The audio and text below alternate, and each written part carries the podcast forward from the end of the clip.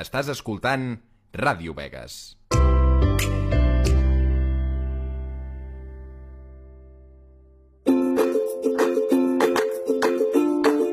Llibres, revistes, pel·lícules, còmics, l'art d'escriure, l'amor per la lectura, lletres, llibres i molt més.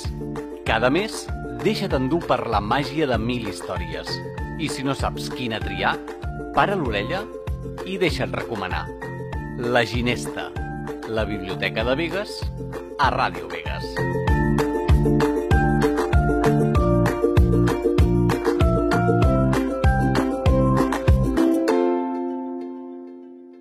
Hola, benvinguts a la Ginesta. Avui us recomano llegir un llibre de Chimamanda Ngozi Adichie, nascuda al 1977.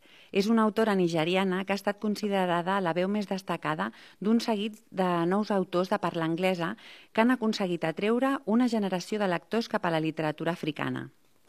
El seu llibre es titula Querida Ijeawele, o Com educar en el feminisme. És un llibre molt curtet, només 64 pàgines, però amb un gran contingut. Aquest llibre reprodueix una carta que l'escriptora, una gran lluitadora per la igualtat dels gèneres, va escriure a la Ige Awele, una amiga seva de la infantesa. Després que aquesta li demanés consell per educar la seva filla, acabada de néixer, des del feminisme.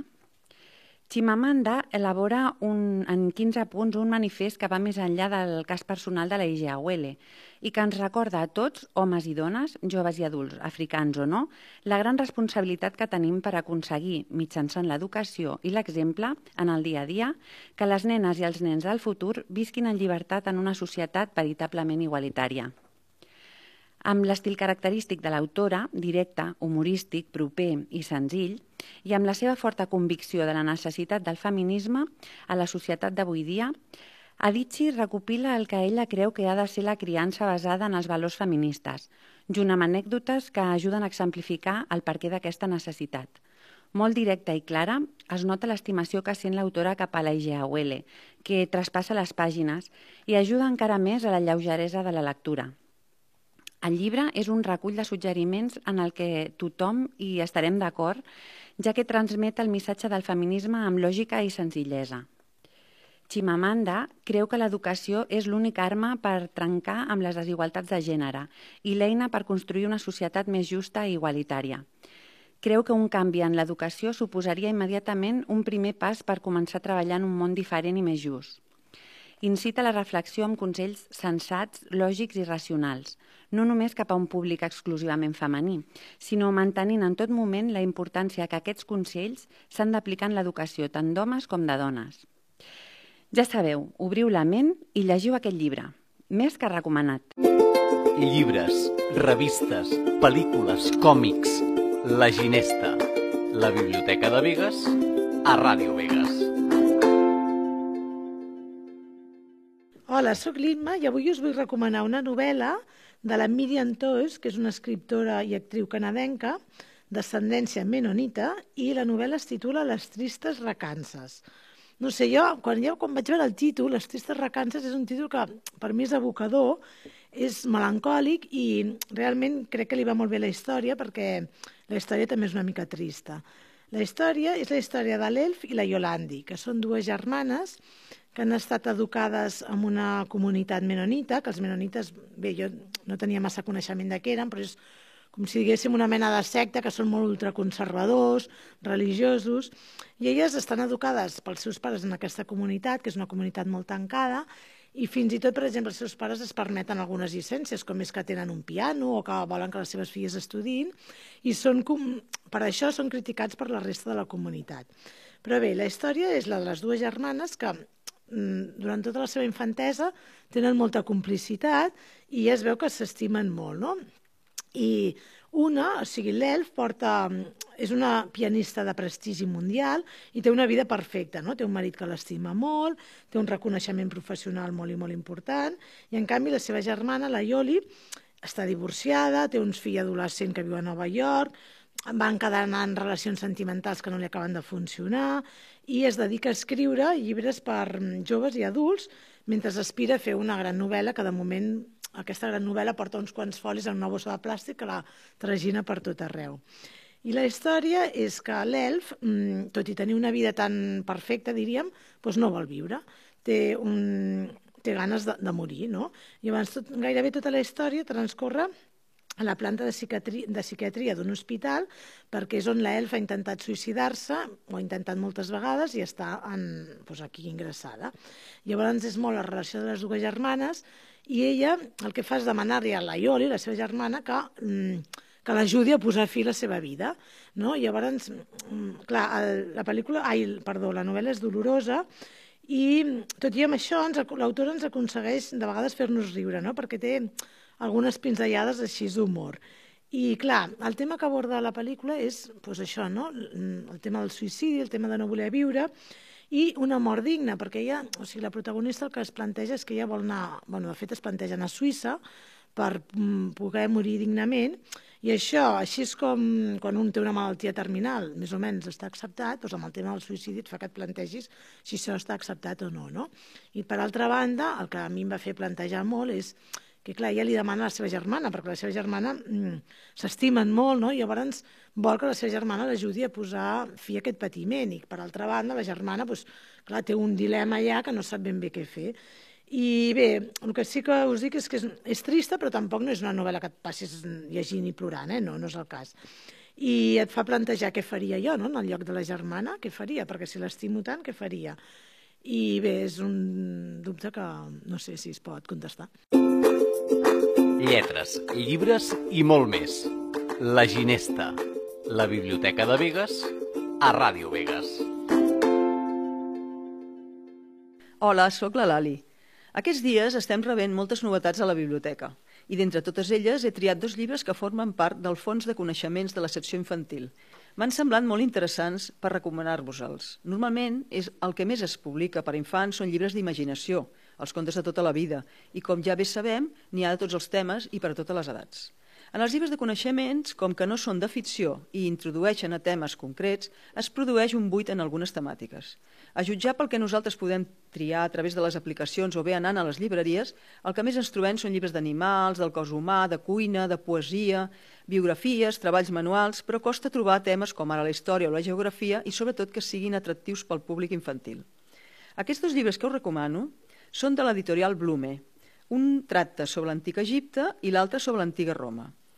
Es titulen L'antic Egipte en 30 segons i l'antiga Roma en 30 segons. Tenen unes il·lustracions divertides i plenes de color, i les explicacions són breus i senzilles.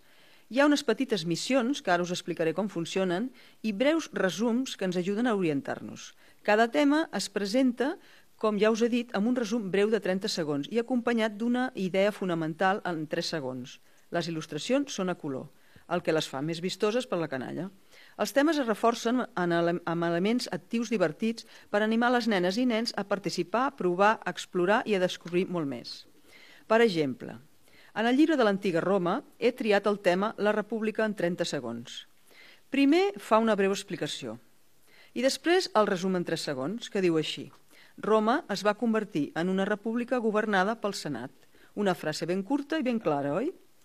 Missions en 3 minuts, allò que us he dit abans que us explicaria. Per exemple, en el llibre de Roma i sobre el tema de les festes religioses, la missió es titula Posa't en el lloc de l'altre.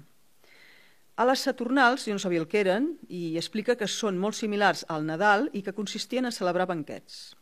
La minimissió que proposa és aquesta. Els amos rics adoptaven el paper dels seus esclaus i aquests es posaven la roba dels seus amos i gaudien de les seves atencions. Imagina't que tu et poguessis posar al lloc d'una altra persona durant un dia. Qui seria i a què et dedicaries? Escriu com creus que seria el teu dia. Està bé, oi? Aquesta manera de fer participar els infants està molt bé, la veritat. Doncs els dos llibres tenen la mateixa estructura. Són ideals per treballar amb la família o els amics i passar una bona tarda aprenent sense adonar-se'n. Alguns temes també porten un glosari amb les paraules utilitzades i amb les definicions corresponents. Això va molt bé per seguir el fil de tot el que ens vol ensenyar cadascun dels llibres que us he proposat. Tot plegat és una manera d'aprendre de forma activa i en grup. Tot un repte. Mares, pares, us animeu? Has pres nota? La recomanació de l'Anna, Querida Aijawel o Cómo educar en el feminismo, de Chimamanda Ngozi Adichie. La recomanació de l'Imma, la novel·la de Miriam Tous, Les tristes recances. I la recomanació de la Lali, les novetats del fons de coneixements de la secció infantil de la biblioteca.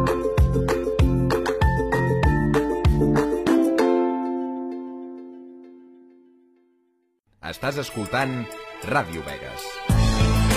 La biblioteca és molt més que llibres. Pren nota perquè arriba l'agenda del mes a la Ginesta.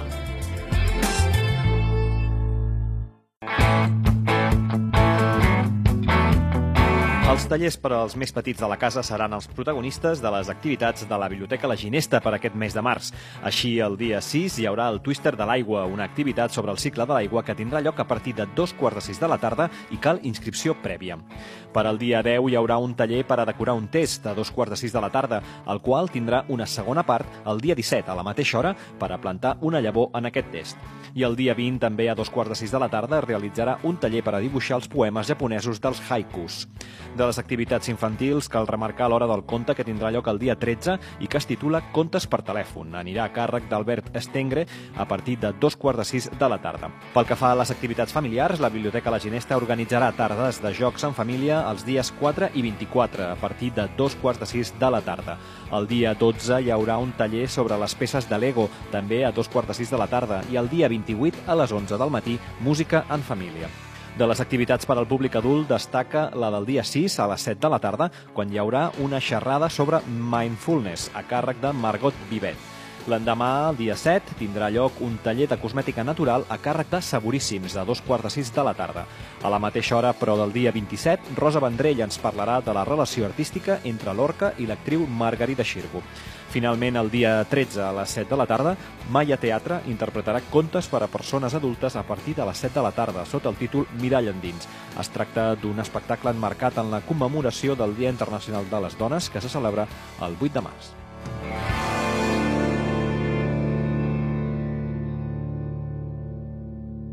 Ràdio Vegas, la veu vegetana. Si t'has quedat amb ganes de més, l'equip de la Biblioteca La Ginesta t'espera. De dilluns a divendres de dos quarts de quatre a dos quarts de nou del vespre. I els matins de dimecres, de dos quarts d'onze a dos quarts de dues. I els matins de dissabte, de 10 a dues. Segueix l'actualitat de la Ginesta a Facebook i a Instagram. I les 24 hores del dia a bibliotecalaginesta.cat. La Ginesta, la Biblioteca de Vegas, a Ràdio Vegas. Ràdio Vegas.